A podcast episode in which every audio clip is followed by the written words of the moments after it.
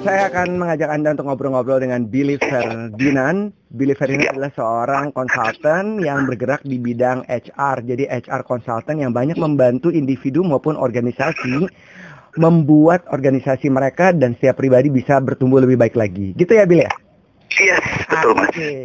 Bill, ceritain dulu Ya. dong latar belakang lo, lo pasti kan sarjana psikolog dong, psikologi dong. Eh, magister psikologi. Nah, Karena kalau kalau di Indonesia itu kalau cuman S1 psikologi dia hanya sarjana psikologi. Untuk jadi psikolog harus lanjutkan ke jenjang S2 psikologi dan eh, mengambil eh, ujian untuk profesi psikolognya oke. Jadi gitu. Lo adalah S2 dan sekarang berkecimpung langsung membantu banyak individu-individu untuk terus bertumbuh. Yang di Ya. yang di yang dipelajari di eh, bangku kuliah tentu kan yang berhubungan dengan psikologi manusia ya, Bill. Iya, Mas. Boleh dijelasin, Bill?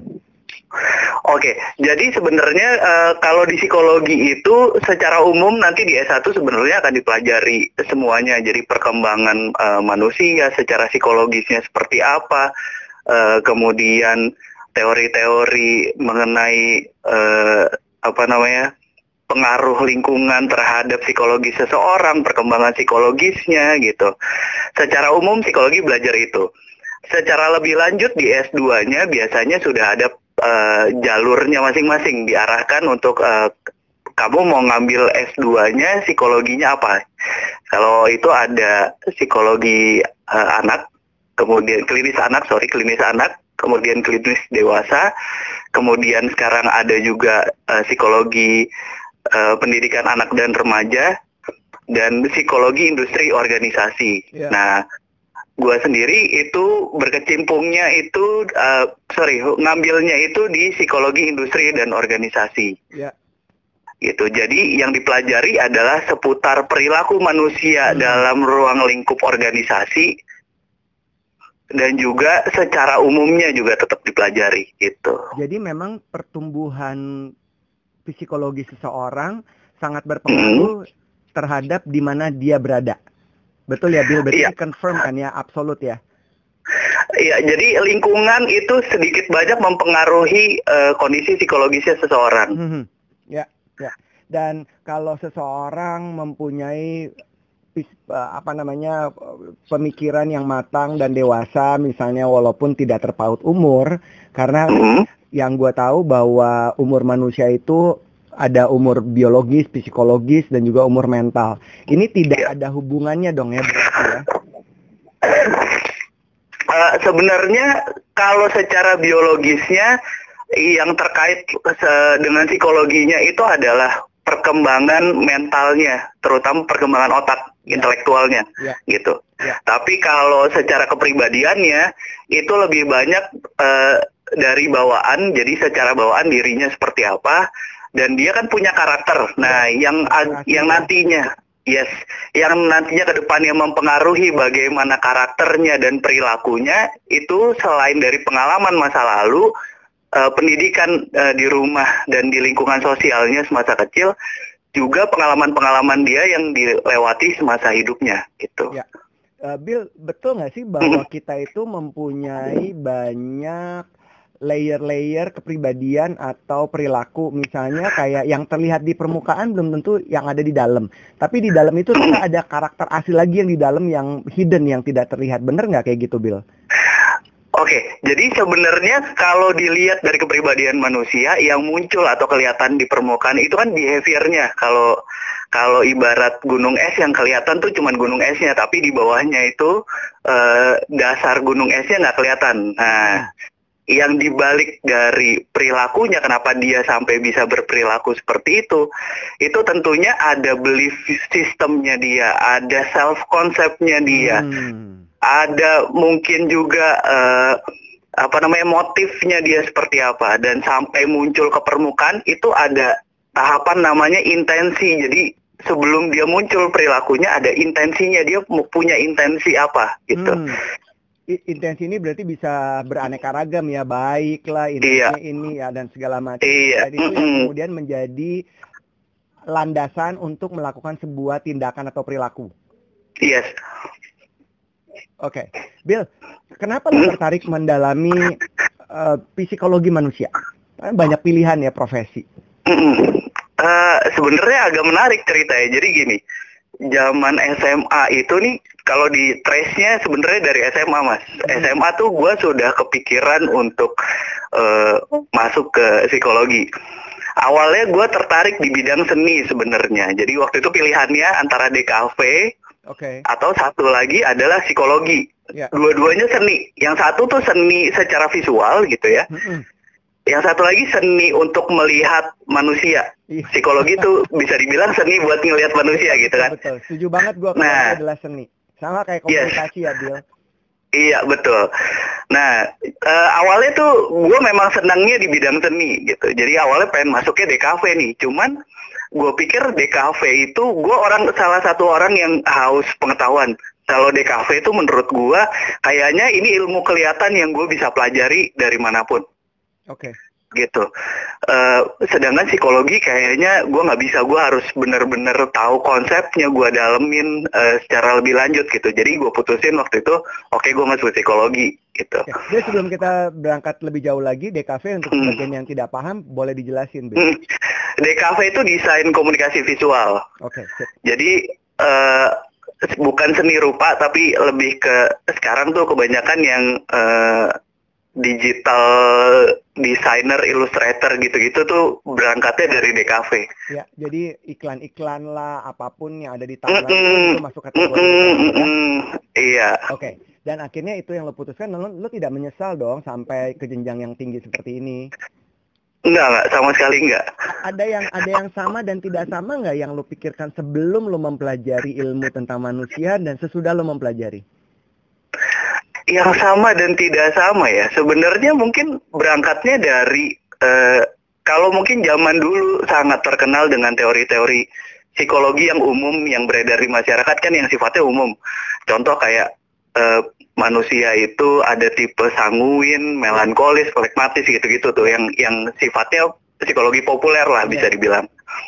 Nah, dalam perjalanannya setelah dipelajari lebih jauh, hal pertar eh hal menarik pertama yang uh, muncul adalah ternyata uh, banyak hal yang menyebabkan orang itu bisa uh, punya masalah psikologis atau secara konteks normalnya misalkan uh, dia menjadi seperti uh, dirinya saat ini gitu. Jadi itu hal menarik pertama. Hal menarik kedua adalah gue menemukan kalau ternyata orang itu nggak sesimpel ngotak-ngotakin uh, tipenya sanguin, plekmatis gitu-gitu. Ternyata sebenarnya kalau mau digali setiap orang tuh punya karakternya masing-masing dan uh, di ranah kepribadian itu kita nggak bisa ngotakin orang. Oh dia ekstrovert, udah pasti mentok nih ekstrovert udah gitu. Hmm Nah, jadi kepribadian itu misalkan kayak kita ngomongin extrovert introvert ya, ternyata itu tuh sebenarnya degree.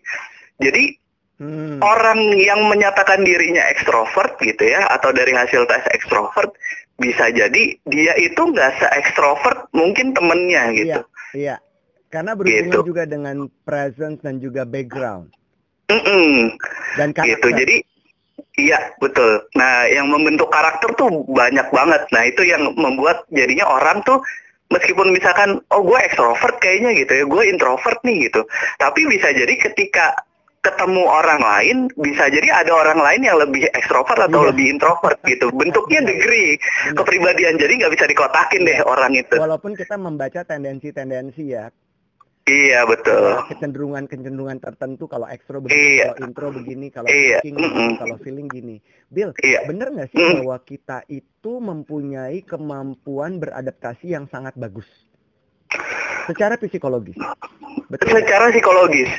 Uh, Sebenarnya kalau dibilang sangat bagus sih, uh, eh, gue bukan orang yang punya kapasitas untuk bilang itu ya. Mungkin juga banyak penelitian di dunia juga belum tentu akan bilang kalau manusia tuh diciptakan punya uh, daya adaptasi yang bagus. Tapi pada dasarnya semua orang uh, bisa beradaptasi dengan lingkungan ataupun situasi yang dihadapi uh, dengan catatan sejauh mana uh, dia punya satu mungkin punya effort gitu ya punya motivasi, punya dorongan untuk adaptasinya, dan kedua seberapa fleksibel dia terhadap perubahan atau situasi baru atau tantangan yang dihadapi sih, gitu. Ya, jadi memang jawabannya bisa jadi relatif, tetapi memungkinkan seseorang punya kemampuan adaptasi.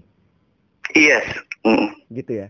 Terus kita Iya. sebenarnya tahu nggak sih, Bill, kayak kemarin gue sempat ngobrol dengan beberapa teman-teman kayak gini. Mm. Em, si A misalnya punya kecenderungan eh, ekstrovert tingkat tinggi. Jadi tidak punya kendali diri. Yang dia mau dia kerjain aja. Jadi dia nggak dengerin omongan orang. Dalam situasi psikologis se- seperti itu, apakah kita satu individu punya uh, beberapa guidelines atau parameter yang dapat merujuk kepada pemikiran kita ini salah atau pemikiran ini kita benar. Oke. Eh, kalau ngomongin contoh yang tadi Mas Erwin bilang, sebenarnya gini, orang tuh eh, kepribadian tertentu, misalkan ekstrovert tadi contohnya, eh, belum tentu orang-orang ekstrovert itu eh, punya dorongan kuat untuk melakukan apa pun yang mendadak dia lagi kepikiran gitu. Itu lebih ngarahnya ke namanya impulsivitas Hmm, gitu spontanitas. seberapa iya mungkin bisa dibilang secara umum spontanitas tapi Iya. kita eh, bila- bisa bisa kategorikan itu adalah perilaku yang impulsif gitu dia nggak berpikir panjang dia lakukan Oke. gitu dan dia tidak mempertimbangkan eh, resiko psikologis ataupun mungkin emosional yang orang timbul. lain iya yang timbul di orang lain gitu yang bisa orang lain rasakan Ya, jadi tentu juga ini jawabannya menjadi relatif ya. Terus kalau misalnya ngomongin ke dalam dunia pekerjaan nih yang sekarang lo amati, lo udah berapa lama ya, Bill, berkecimpung sebagai HR consultant? Kalau berapa lama, gua nggak bisa bilang lama sih mas. Eh, kalau to be exact mungkin sekitar 8 tahun Oke. di dunia HR. Ya, apa yang lo amati? Adakah perbedaan antara perilaku individu di masyarakat dengan individu yang ada di dalam sebuah organisasi? Basically sebenarnya organisasi itu bisa dibilang ruang lingkup sosial juga kan. Sama aja seperti masyarakat ruang lingkup sosial. Oke. Nah, eh, bagaimana dia berperilaku di masyarakat bisa jadi juga bagaimana dia berpera- berperilaku di tempat kerjanya. Itu bisa jadi. Hmm. Tapi bisa bisa jadi juga perilakunya yang ditunjukkan berbeda karena setiap orang itu punya topeng untuk setiap situasi biasanya. Ya, ya itu ya tadi ya layer 1, layer 2 dan juga karakter asli ya gitu ya. Iya, ah, ah, gitu. Jadi kalau kalau itu tuh ada yang bilang kalau dia dalam situasi sosial seperti apa, dia pakai topengnya yang mana. Kalau lagi stres dia eh, munculnya seperti apa. Nah aslinya dia itu mungkin dalam lingkungan dekatnya orangnya seperti apa itu bisa jadi beda, bisa jadi. Iya, iya, iya. Ini ada beberapa kali ya kan kerjaan gue juga ketemu dengan banyak orang. Ada beberapa orang yang gue jumpai di dalam kelas suka colongan curhat gitu dia bilang gini. "Eh, gue sih kalau di kantor gini mas, kalau di luar gue tuh gini. Itu kan kemudian yang tadi lo bilang ada topeng satu dan topeng dua ya. Orang yang punya topeng yang banyak akan akankah dia lebih baik atau lebih repot atau it's just fine? Ah, sebenarnya gini, kalau dibilang lebih baik, lebih repot, tergantung dari lingkungan sosial yang lagi dihadapi gitu. Kalau memang menuntut dia untuk harus pakai topeng yang jauh bukan dirinya banget, kemungkinan suatu saat dia akan capek. Ya. Gitu. Karena dan mungkin Akhirnya akan kebingungan ya memilih topeng yang mana yang lebih tepat. Betul, iya jadinya dan kalau kalau kalau ibaratnya eh, mohon maaf gitu ya kalau di luar sana ada yang ada yang misalkan tukang ngibul gitu Mm-mm. Eh, hari ini ketemu eh, kelompok A dia pakai topengnya apa hari ini ketemu siapa pakai topengnya yang mana lagi gitu suatu saat dia akan capek sendiri gitu Ya, ya. So we can easily set topeng adalah their role. Kurang lebih bisa gitu juga ya. Eh, bisa bisa bukan artinya eh, topeng itu pasti role tapi bisa jadi dia harus berperilaku kayak gitu karena tuntutan peran misalkan Hmm, Oke. peran di pekerjaannya seperti apa, jadi dia harus gimana gitu. Kita kita bisa nggak sih Bill mencium hmm? ya menggunakan hmm? indera perasa kita untuk membaca hmm? orang bener atau enggak ya? Can we tell? Uh, mungkin mungkin ya mungkin tuh uh, agak susah karena kalau mau belajar lebih lanjut nih orang bohong atau enggak itu kayaknya orang-orang yang belajar micro expression yang akan hmm. lebih paham gitu. Tapi kalau secara kita nebak-nebak tarikan bibir ke kiri, tarikan ke kanan artinya Iya, iya gitu. Jadi kayak mata ke atas, mata ke bawah itu juga mm, mm, mm, mm, Betul. Nah, itu tuh biasa orang-orang yang belajar hipnoterapi biasanya mungkin sedikit banyak mempelajari micro expression, tapi yeah. kalau secara umum psikologi sih nggak belajar kayak gitu tuh. Nah, biasanya perlu waktu berapa lama kita untuk menjustifikasi bahwa ini kayaknya benar nih, kayaknya enggak. Atau kita punya dugaan-dugaan tertentu terhadap perilaku dari orang-orang di sekeliling kita yang kita anggap tidak sesuai dengan peran yang mereka jalankan. Nah, kalau menduga itu sebenarnya harus ada uh, proses justifikasi gitu ya. Ibaratnya kalau misalkan ada penelitian kita punya pertanyaan harus cari datanya. Ya, ya, ya. Nah ini pun kalau kita menduga orang harus ada proses justifikasi ya bener nggak sih orangnya memang seperti itu gitu. Bisa ya. jadi kita tanya dengan lingkungan sekitarnya. Kalau di lingkungan kerja misalkan Uh, ini orangnya kok kayak gini ya gitu. Bisa jadi kita tanya sama teman-teman kerjanya dia kalau kerja biasanya memang perilaku kerjanya kayak gimana gitu. Atau tanya atasannya gitu. Yeah. Nah, jadi nggak bisa begitu kita lihat oh orangnya kayak gini kita langsung justify uh, apa namanya asumsi kita gitu langsung kita benarkan asumsi kita nggak bisa kayak gitu karena bisa jadi orang ini sedang menghadapi atau ada situasi tertentu yang bikin dia akhirnya muncul perilaku yang tidak mencerminkan dirinya. Itu bisa jadi. Oke, okay. dan perilaku seseorang artinya kalau mau berubah menjadi lebih baik berarti kan harus merubah perilaku ya atau habit atau kebiasaan. Ada ukuran-ukuran yang berlaku bahwa kebiasaan dapat terbentuk setelah 90 hari. Itu uh, betul nggak sih, Bill? Uh, kan banyak yang bilang gitu ya, tapi uh, kalau kalau dari gue pernah mencoba sendiri ke diri gue sendiri hmm. sebenarnya berhasil sih bisa dibilang tuh ketika kebiasaan mulai terbentuk yeah. Ya. uh, ada satu hal yang nggak kita lakukan tuh jadi ada yang kurang gitu yeah. Yeah. nah kalau misalkan uh, sama aja kayak kalau misalkan terbiasa berbohong biasanya kelepasan mau nggak mau yang dikeluarkan dari mulutnya bohong. Hmm. Dan itu nah, tergambar dari wajah. Biasanya entah dari wajah, entah dari gestur gitu ya. Hmm. Ya. Nah, Karena kecuali orang-orang, iya, kecuali orang-orang yang emang udah jago bohong ya, gitu ya, mungkin nggak akan ketahuan. Kamu betul nggak sih bahwa kepribadian yang baik, perilaku yang baik akan mendukung sebuah kesuksesan di dalam pekerjaan dan kehidupan? Do you agree with that?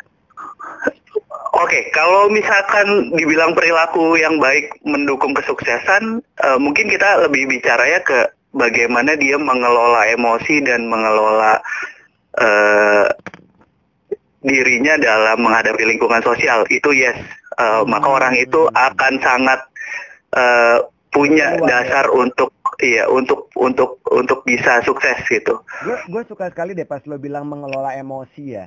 Karena hmm. memang pada kenyataannya tidak semua orang pandai atau mampu mengelola emosinya dalam hitungan waktu yang cepat. By second hmm. misalnya kita lagi meeting, kita kecewa, kemudian hmm. kita misalnya bikin something very bad and then we very hmm. upset and then we tend to throw our emotion and then after that in the few seconds we have to meeting with somebody else new person itu berarti kemampuan mereka dalam mengendalikan emosi dalam situasi tertentu itu juga memerlukan keahlian betul hmm. jadi jadi kan kalau misalkan uh, kita tahu yang namanya kecerdasan biasanya kan cuman kecerdasan secara intelektual iya. kognitifnya yeah. aja yeah. gitu.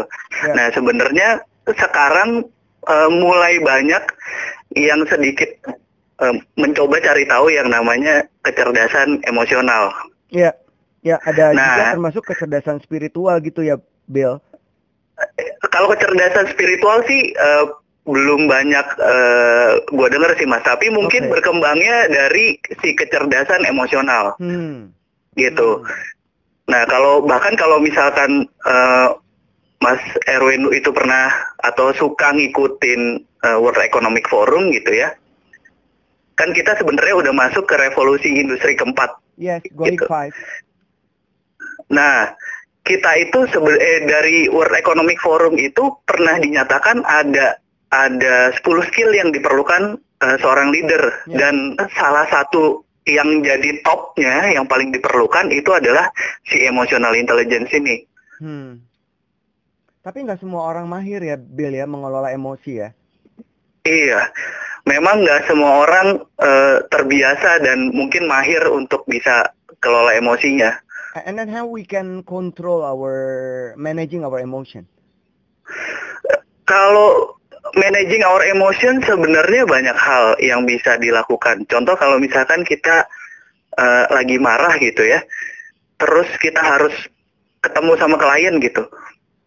Eh, ambil waktu untuk diri sendiri untuk refleksiin kenapa sih kita marah gitu ya. Eh, coba untuk sadar, bersikap sadar, mindful. Ya.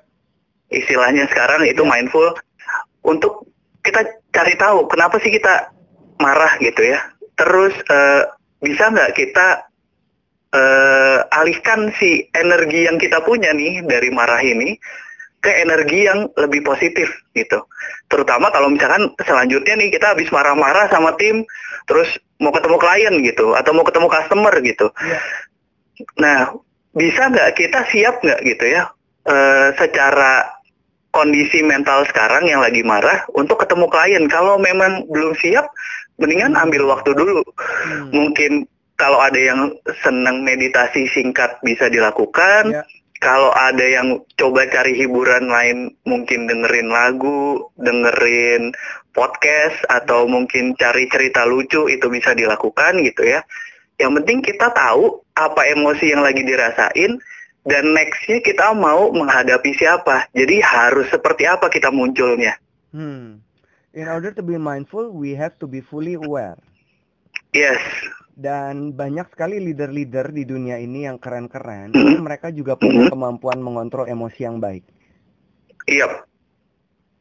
Semakin sulit seorang leader mengontrol emosinya, berhubungan juga dengan kemampuan berhubungan dengan orang. Betul. Dan kalau udah ngomongin konteks dunia kerja, berhubungan sama orang, sama tim sendiri, Yes. sama rekan kerja lainnya kan penting banget tuh, Mas. Iya, iya.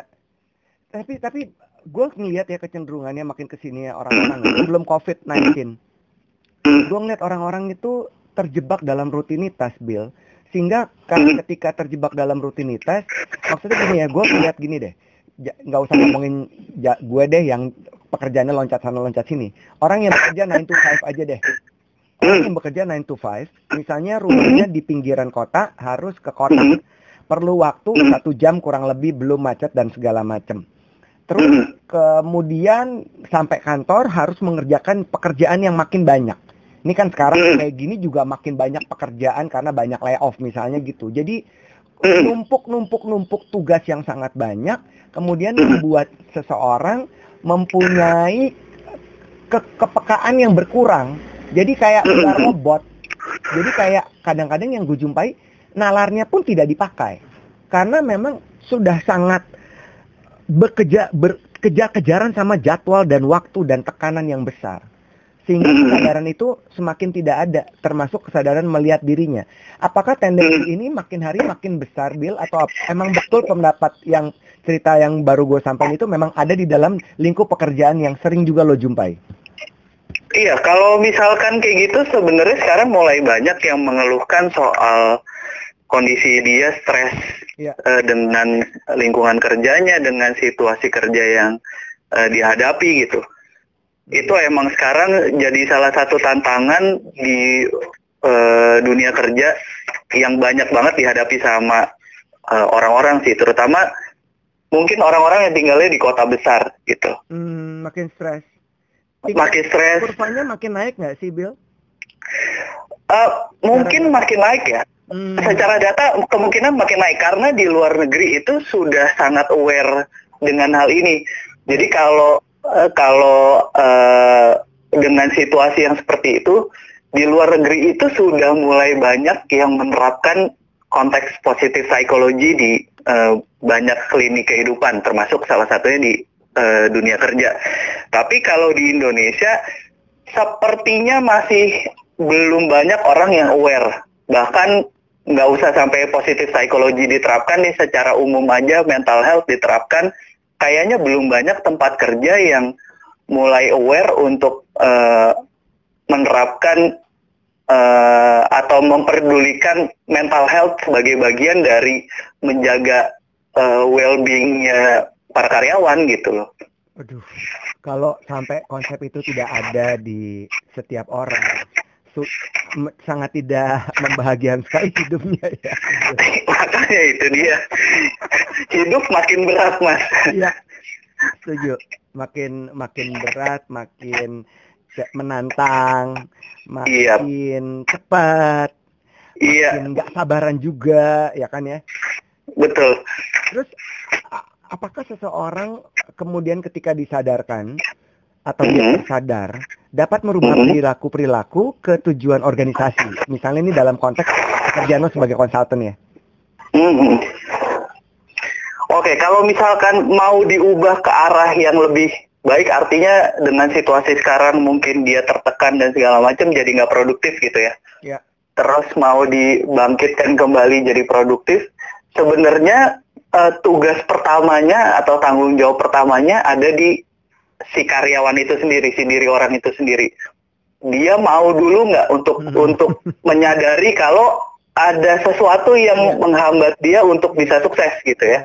Yeah. Untuk bisa maju, bisa kerja lebih baik gitu. Satu itu dulu dia harus harus terbuka dulu. Oke, okay, iya gue mau nih untuk yeah. untuk coba berubah. Harusnya gue lebih baik gitu ya. Hmm. Satu dari diri sendiri, kedua dari lingkungan terdekatnya di tempat kerja misalkan support gitu atau ya. enggak gitu ya atau ternyata support mungkin atau enggak circled by all the toxic environment Iya, jangan-jangan dia itu ada di lingkungan kerja yang toksik atau iya. jangan-jangan biasanya yang paling banyak adalah uh, orang itu keluar kan biasanya bukan karena gaji atau hmm. karena uh, tunjangan gitu-gitu yeah. kan, tapi dia keluar biasanya jangan-jangan paling banyak tuh karena uh, leadernya toksik gitu. Iya atau ada di lingkungan yang memang tidak sangat tidak apresiatif atau tidak positif psychology. Iya, kalau memang dia sadar apa yang dihadapinya salah, ya dia yang mundur. Tapi kalau dia sadar dia yang salah menghadapi lingkungan kerjanya dia gitu ya. Hmm. Berarti memang semuanya dimulai dari diri sendiri. Dia harus sadar dulu, dia introspeksi apa sih yang jadi hambatan dia selama ini apa sih yang kayaknya perlu di develop untuk bisa lebih produk uh, produktif gitu ya? Diingat-ingat lagi tujuannya dia kerja itu untuk apa? Terus kenapa dia harus uh, perform di tempat kerja gitu? Coba digali lagi. Dan mungkin salah satu caranya yang bisa membantu dia juga adalah uh, orang Indonesia mungkin harus biasa harusnya sih paham betul dengan konteks yang namanya bersyukur karena kita semua beragama lah semua agama ngajarin untuk bersyukur nah kayaknya itu juga perlu ditebelin, uh, ya? disadarin i, ditebelin lagi yeah. harusnya gue bisa bersyukur dengan situasi yang gue masih bisa kerja gue masih bisa dapat ini itu gue yeah. masih bisa survive gitu yeah. tapi apa yang bisa yang bisa gue berikan lebih paling nggak untuk diri gue sendiri dulu yeah nggak usah untuk tim gue, nggak usah untuk perusahaan gue, buat gue diri diri gue sendiri dulu deh. Ya. Karena itu pasti akan menguntungkan buat diri gue sendiri gitu. Dan kalau ngomongin soal perubahan di dalam organisasi, tentu yang paling benar adalah top down dong. Dari atas kita benerin baru ke bawah, atau ada pendekatan psikologis yang berbeda tidak top down. Kalau masalahnya memang uh, asalnya dari atas, maka yang harus dibenerin adalah top down. Hmm tapi kalau memang masalahnya itu yang ditemui adalah masalah secara individu, maka dari personalnya yang dihadapi dulu, yang dibenerin. Okay. Bill, cuman memang, uh, uh, go on, continue. Iya, cuman memang mungkin yang jadi masalah adalah lebih banyak orang-orang yang secara organisasi atau secara timnya nggak sadar kalau mereka bermasalah, biasanya gitu. Iya. tingkat kesadaran yang rendah ya. Iya. Termasuk juga mengelola emosi untuk menjadi mindful dan juga punya positive psy- psychology. Yes. Kalau makin ke sini ya Bill, kita ngomong sekarang Hmm. organisasi ya.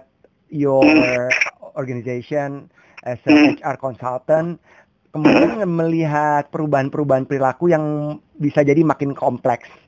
Treatment-treatment apa yang biasanya digunakan oleh perusahaan di mana lo bekerja? Oke, Eh, ini boleh gue ceritain sedikit dulu nggak soal eh, konsultan tempat gue bekerja? Sure, sure, please. Oke, jadi konsultan tempat gue kerja ini namanya Balpil. Itu orang kalau denger kayaknya lucu ya, Balpil gitu, bukan batuk pilek tapi. Iya. Jadi Balpil itu sebenarnya adalah singkatan dari balance pilar.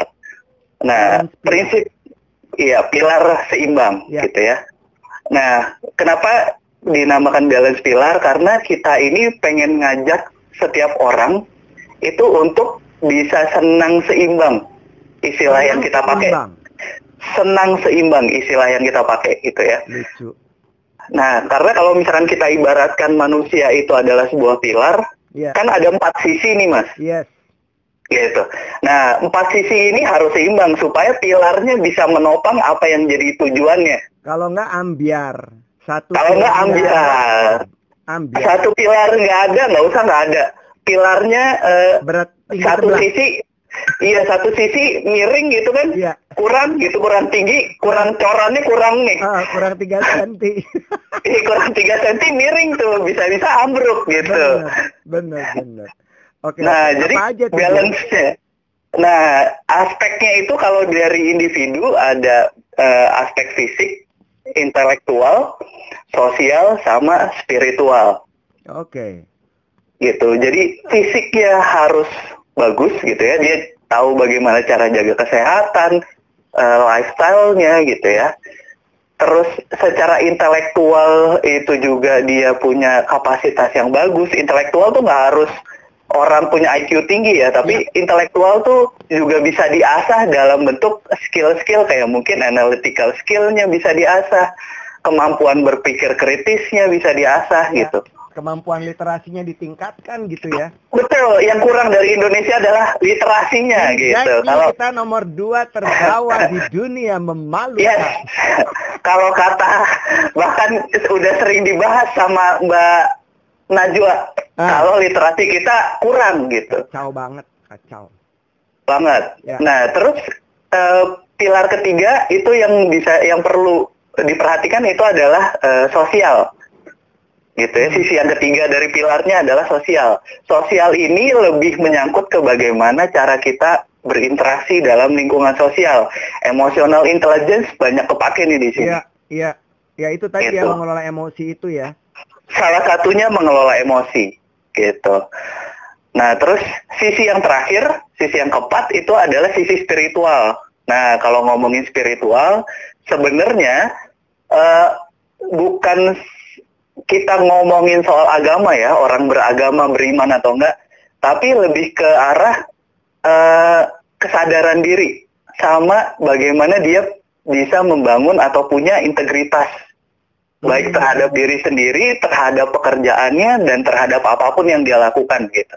Ah. Jadi spi- spiritual itu bukan melihat kepada sesuatu kekuatan yang lebih tinggi daripada kekuatan manusia, tapi lebih Betul. kepada from oneself toward their integrity. Yes, bisa ke integrity, bisa ke dirinya sendiri juga, self, values eh, juga bisa dong ya. Betul, values, eh, belief systemnya dia, self acceptance-nya gitu. Iya. Self acceptance kan juga masuk spiritual. Betul. Kalau kalau seseorang nggak accept dengan apa pun yang dia punya sekarang ini sebagai kacau. seorang manusia itu kacau. Kacau banget. untuk dia bisa keluar menampilkan diri ke masyarakat juga akan susah karena dia sendiri nggak terima dirinya gitu ya mau gimana Iya. untuk keluarnya Bill, gue gue suka punya ber, gue suka berpikir gini ya. Kita Mm. sekarang hidup di era yang sangat multi information. Iya. 360, semua informasi ada dari A, A to Z. Semua mau yang Mm. modalnya ada. Sebenarnya kan mudah Mm. dong buat seseorang untuk mengambil sampel dari figur Mm. apa yang ingin menjadi contoh atau role model dirinya untuk menjadi seperti figur tersebut. Sebenarnya kan Hmm. is is so easy because Yes. there are so many choices. Mm, Tapi kalau seseorang tidak punya kemampuan intelektual yang baik, termasuk kemampuan literasi, tidak tahu ada figur seperti A, B, C, dan D, mm. yang nggak punya juga konsep diri dong. sebenarnya bukannya nggak punya konsep diri, tapi mungkin dia tidak tahu eh, harus ke mana gitu ya, atau dia punya harapan apa dan dia nggak punya satu sosok inspirasi yang bisa eh, membangkitkan self motivationnya gitu Iya. untuk bergerak menjadi menjadi orang yang lebih baik atau mungkin eh, mencoba sukses ala si orang yang menjadi Iya. inspirasinya gitu. Iya. Jadi self self concept is a very basic things, right? Iya, self concept very basic. Dan semua orang harus punya self concept yang kemudian juga akan dikaitkan dengan figur-figur atau role model role model dalam kehidupannya. Ah, sebenarnya kalau dibilangin harus itu enggak, bisa jadi kadang sesimpel eh, gua pengen jadi orang yang bisa seperti misalkan bokap gua. Hmm. Kenapa? Karena bokap gua orangnya eh, very independent misalkan gitu. Terus orangnya sangat eh, organized gitu. Itu boleh aja. Iya. Itu Jadi nggak perlu ya. Iya, nggak perlu yang sampai muluk-muluk banget harus jadi siapa gitu ya. Iya, karena Tapi bisa ting- tingkatannya untuk menjadi somebody else itu kan Mhm. perlu kerja yang lebih banyak dan iya. tears and pain yang lebih banyak, right? Iya, dan eh, biasanya ekspektasi tuh eh, jangan terlalu tinggi dulu lah gitu. Jadi boleh boleh aja contoh Ya. contoh misalkan eh, gua sosok inspirasi gua itu adalah Mas eh, Mas Andri Sat Satriago. Yes.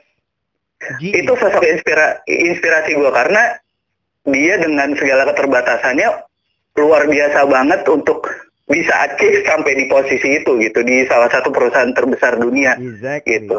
Yes. tapi mungkin gue nggak bisa sampai sana tapi ada hal-hal yang bisa gue ambil dari Hmm. Mas Andri gitu ya yang bisa menginspirasi apa sih yang kayaknya gue bisa contoh gitu Jadi penting dong kita punya konsep-konsep itu kan ya yang bertebaran di kepala kita. iya Dan ini tentunya semuanya mengacu kepada hal-hal yang positif karena tadi lu udah menyinggung soal positif hmm, psikologis. iya Padahal positive psychology ya dan nggak semua orang kan have have that positive mindset. Iya Makin ke sini organisasi makin positif nggak manusianya atau gimana, Bill? nah eh, kalau kita ngomongin penelitiannya makin sini makin positif atau enggak sebenarnya kalau di Indonesia itu eh, mulai banyak perusahaan yang sudah lebih aware terhadap eh, manusia yang ada di dalamnya gitu ya Eh, kalau bisa dibilang dulu konsep kita adalah kalau di dunia HR konsepnya manusia itu adalah eh, beban gitu ya. Karena cuman kehitungnya tuh kalau di finance tuh cuman masuknya ke bagiannya cost doang gitu expense. Yes. Nah, tapi banyak perusahaan yang sudah eh, punya mindset kalau manusia itu adalah aset modal gitu. Hmm. Udah masuknya capital. Jadi Ya. banyak perusahaan yang yang sudah geser arahnya nggak mau dibilang lagi divisinya tuh namanya HR, departemennya nggak mau dibilang HR, tapi Ya. human capital. Karena mengkapitalis mengkapitalisasikan manusia ya, memberdayakan manusia ya. Memberdayakan manusia yang mereka punya gitu ya sebagai aset mereka karena mereka mau punya peralatan secanggih apa pun kalau nggak ada manusia yang bisa ngelola percuma. Betul. Betul. mereka mau bangun sistem sebagus apa pun kalau nggak ada manusia yang bisa pakai Iya. sistem ya percuma. I- i- Tapi kalau punya kalau punya manusia yang berkualitas, terus Ya. manusia ini dipush untuk bisa bangun sistemnya, bangun peralatannya, itu bisa justru. Jadi semuanya mengacu kepada Abraham Maslow bahwa self actualization. Setuju juga Iya. dong, Bill? Banget. Nah, itu tuh yang jadi masalahnya orang Indonesia sekarang, banyak pansos kan. Hmm. gitu jadi kesannya pengennya kelihatan wah gitu ya temennya punya mobil ah gua harus punya mobil juga gitu eh temen gue punya motor Pansos tuh panjat sosial, social climber maksud lo ya? iya Oke, gue baru mencerna. Pansos apa ya? Gue tahu bansos. Oke, oke. Social climber. pansos tuh Iya, social climber lagi rame banget tuh banyak pansos kan. Nah, biasanya Iya. pansos-pansos banyak mas. Contoh paling gampang ya di generasi sekarang. Eh orang punya, eh mohon maaf nih orang-orang yang punya penghasilan mungkin nggak seberapa gitu ya. Iya. Tapi berusaha pu- tampil eh, misalkan punya HP mahal gitu ya. Iya. Padahal dia nggak butuh gitu Iya. loh Iya. kayak misalkan orang pada beli eh, let's say iPhone 11 yang paling baru Iya. gitu. Sementara kalau misalkan orang nanya ke gua, "Mas, HP-nya apa, Mas?" gitu. Gua bahkan kalau ke klien tuh gua kadang suka minder sendiri ngeliat HP klien tuh level karyawan bagus-bagus gitu, Iya, HP iya. iPhone 11 gitu. Iya. Kalau ditanya HP gua apa, HP gua cuma Xiaomi Iya. karena gua nggak butuh gitu loh. Iya. Tapi sekarang tuh sudah mulai berubah karena social Tekanan, pressure. tekanan ya, Iya, tekanan ya. Karena social pressure dan sosial media yang ada sekarang Iya. itu membentuk orang jadi pada pengen mencoba aktualisasi diri gitu ya padahal kebutuhan yang di bawahnya belum terpenuhi. Iya, jadi aktualisasi diri tapi dalam konteks panjat sosial untuk Panjat sosial.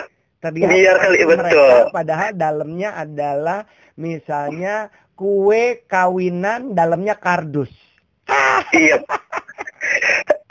Kelihatannya bagus gitu ya Iya. kue pernikahannya megah, Ternyata dummy dipotong nggak, Iya.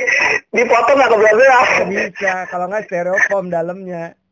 Iya, Boleh dipegang jangan. iya. Apalagi dicolek percuma nggak bisa. Dan akan repot sekali dong, Bill, lo menghadapi kondisi-kondisi itu dalam pekerjaan lo di Balpil dong ya. Iya, eh, bahkan sebelum gue di Balpil, Mas. Jadi pengalaman gue di di awal-awal gue eh, berkecimpung di HR itu ada, gue masih inget banget salah satu perusahaan gas eh, besar di Indonesia, Iya. eh, multinasi eh, internasional sebenarnya perusahaan Iya. internasional itu yang dihadapi pun eh, kondisinya ada sudah ada dari pada saat itu gitu. Jadi eh, karyawan di level bawah itu banyak yang menuntut lebih gitu ya supaya biar dia kelihatan eksis aja gitu loh kayak misalkan mau beli motor dulu masih tren-trennya motor 250 cc itu awal-awal Hmm. baru masuk di Indonesia Kayaknya gaya. kayaknya gaya gitu Iya. semua orang yang level bawah pun yang cuman karyawan gaji misalkan UMR gitu ya Iya. pengen punya motor sport Iya. gitu Halo. Yang jadi pertanyaan, Halo. Halo. eh, halo. Yang jadi pertanyaan butuh nggak butuh makan dulu apa butuh motor dulu lu mau makan tuh motor gitu Oke, oke. Interesting sekali ya Bill ngelihat melihat perkembangan psikologi manusia eh, dari per- setiap peradaban. Apalagi Mm-mm. kita menghadapi tekanan yang sangat besar dalam kehidupan yang modern ini dan sangat serba cepat. Yap. Em, lo bilang bahwa Balpil ini atau balance pillar ini juga tidak cuma sekedar untuk membantu profesional atau company organization untuk ber Hmm, tapi juga Balpil ini juga melakukan beberapa intention atau tujuan yang punya punya harapan dapat menggerakkan eh, seseorang atau sebuah komunitas. Betul, boleh diceritain, Bill?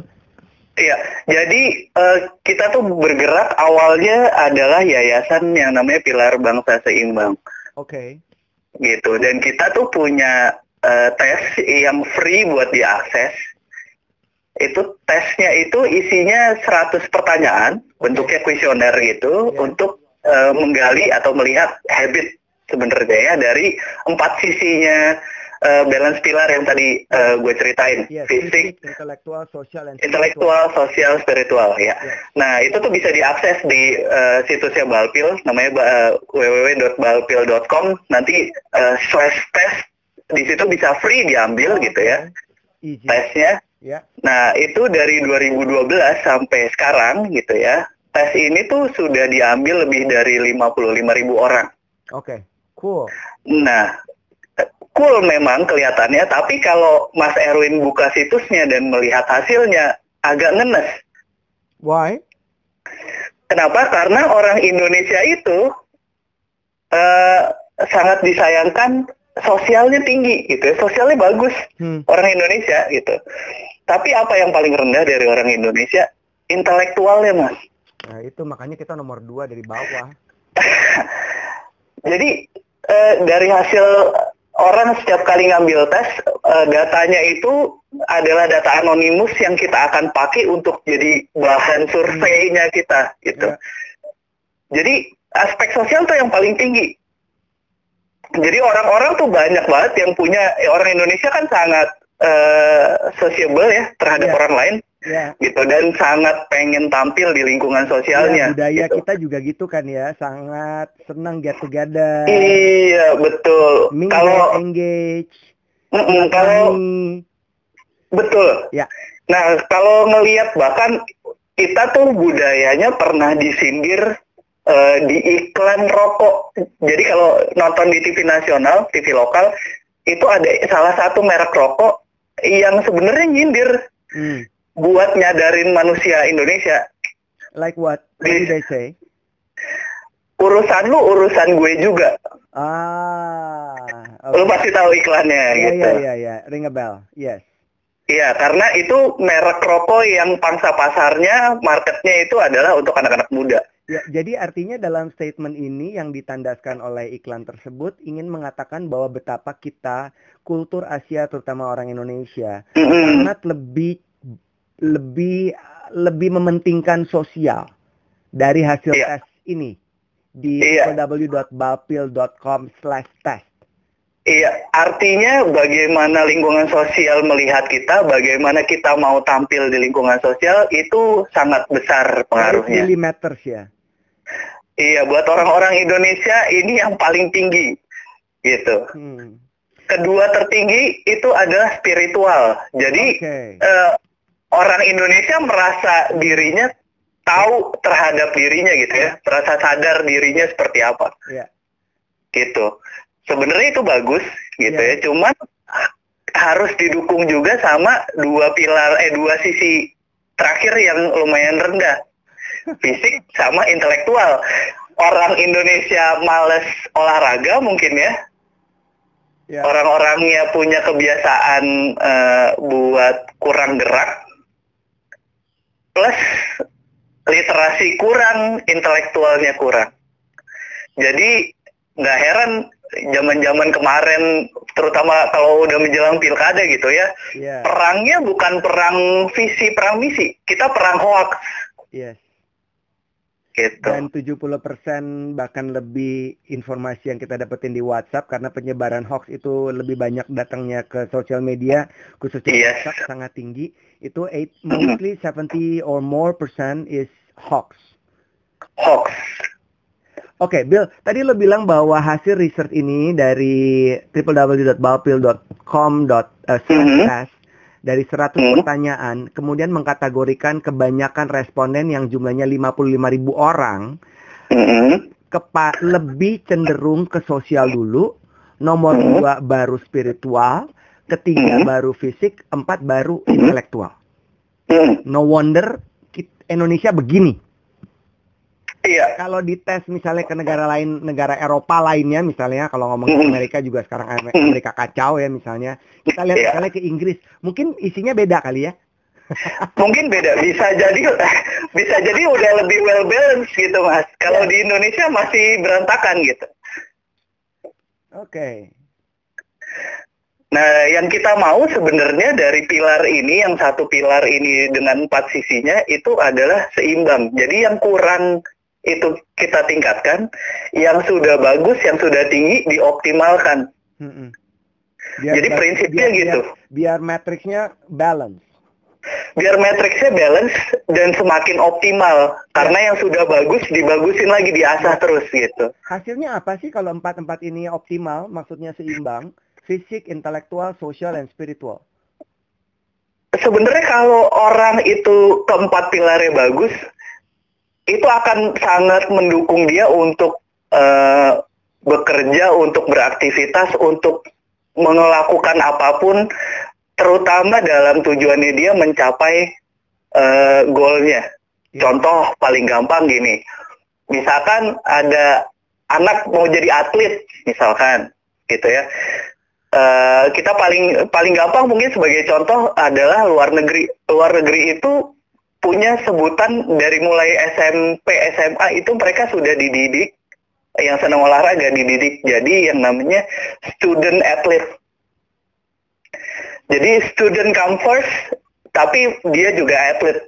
Sunnya akan jadi atlet. langsung diarahkan pokoknya ya diarahkan karena dia mau jadi atlet gitu ya misalkan suka basket suka bola suka uh, misalkan hoki dan lain hal gitu ya mereka dididik jadi student atlet hmm. dan banyak beasiswa di luar negeri juga beasiswanya adalah beasiswa untuk para olahragawan iya ada beberapa gitu. teman anak gue juga yang kemudian dapat beasiswa di luar negeri kemudian iya. tinggal di sana udah bener-bener -hmm. dari SMP SMA udah langsung atlet isi kepalanya. Yes, gitu.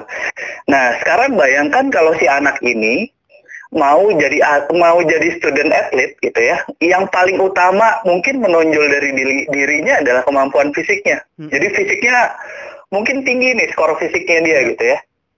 Tapi dia juga harus bangun intelektualnya karena kalau di luar negeri kalau lu nggak pinter dan lu nggak akan jadi student athlete gitu. Iya, jadi harus pinter. Cara gagu iya diwawancara gagu ditanya A jawabnya C gitu.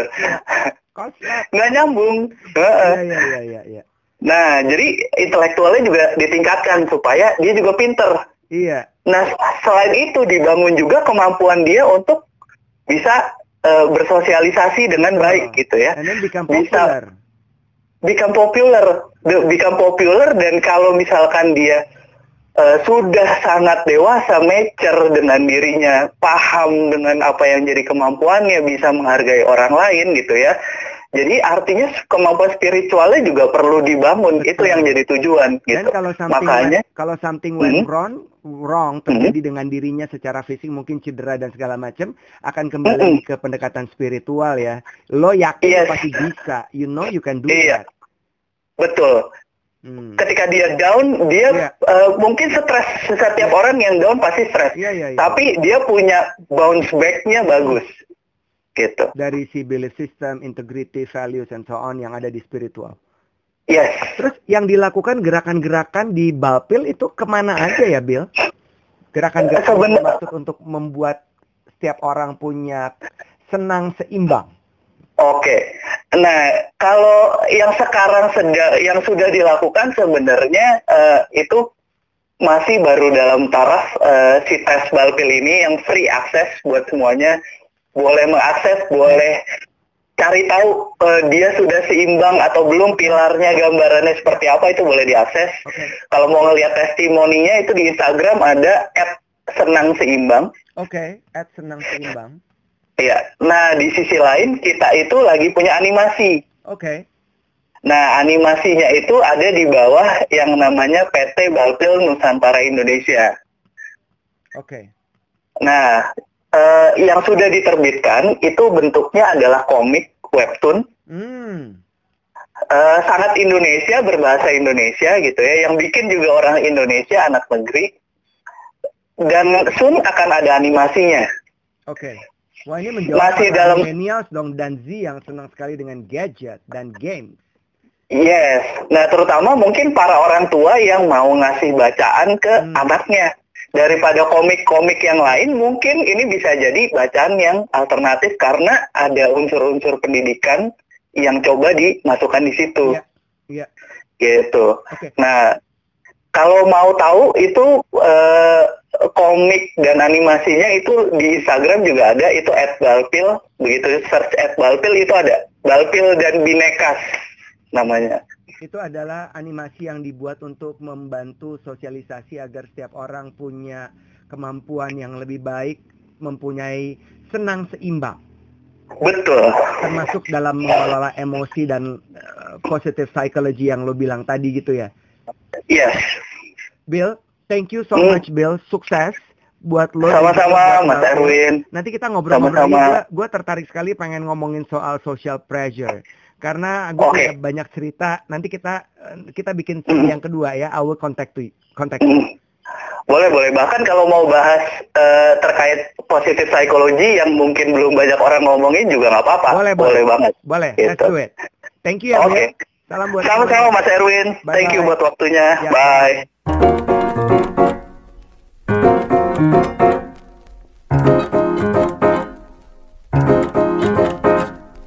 왜들 그리 다운돼 있어? 뭐가 문제야 say something. 분위기가 겁나 싸해. 요새 이런 게 유행인가? 왜들 그리 재미없어? 아 그건 나도 마찬가지. Tell me what I got to do 급한 대로 블루투스 켜. 아무 노래나 일단 틀어. 아무거나 신나는 걸로. 아무렇게나 춤춰. 아무렇지 않아 보이게. 아무 생각하기 싫어 Jerusalem I'm sick and tired everyday. Keep it up 한 것도. 아무 노래나 일단 틀어. 아무렴 어때 있어 boring. 아무래도 refresh가 시급한 듯해 쌓여간 스트레스가. 배꼽 빠질 만큼만 복속하고 싶은 날이야. You're one of my thugs. 어디야 넌올때 병 맥주랑 깜짝놀게 사와 uh. 클럽은 구미가 잘 안 당겨. 우리 집 거실로 빨랑 왜 보이는 영역껏 차단시켜. 밤새 수다 떨 시간도 모자라. 누군 힘들어 죽 겠고 누군 축제? 괜히 싱숭생숭 I want my juice back 좀 전까지 먹자지. 하다 한 명 두 명씩 자리. 왜들 그리 다운돼 있어? 뭐가 문제야 say something. 분위기가 겁나 싸해. 요새 이런 게 유행인가? 왜들 그리 재미없어? 아 그건 나도 마찬가지. Tell me what I got to do 급한 대로 블루투스 켜. 아무 노래나 일단 틀어. 아무거나 신나는 걸로 아무렇게나 춤춰. 아무렇지 않아 보이게. 아무 생각하기 싫어. 아무개로 살래 잠시. I'm sick and tired of my everyday. Keep it up 한 곡도. 떠나지 못할 바에 창밖은 쳐다도 안봐. 회가닥해서 주태를 부려도 No worries at all. 이미지 왜 챙겨 그래봤자 우리끼린데. 우 늦기 전에 my pants wet 이 시대가 얼마 남았어. 편한 옷으로 갈아입어. You look nice 기름하여 얼핏 보면 그냥 코미디. 이렇게 무해한 파티 처음이지. 망감이 격차하는 새벽 2시경. 술잔과 감정이 송돌이쳐. 왜들 그리 다운돼 있어? 뭐가 문제야? Say something 분위기가 겁나 싸해. 요샌 이런 게 유행인가? 왜들 그리 재미없어? 아 그건 나도 마찬가지. Tell me what I got to do 급한 대로 블루투스 켜. 아무 노래나 일단 틀어. 아무거나 신나는 걸로. 아무렇게나 춤춰. 아무렇지 않아 보이게. 아무 생각하기 싫어. 아무개로 살래 잠시 I'm sick and tired of my Keep it up 한 것도 일단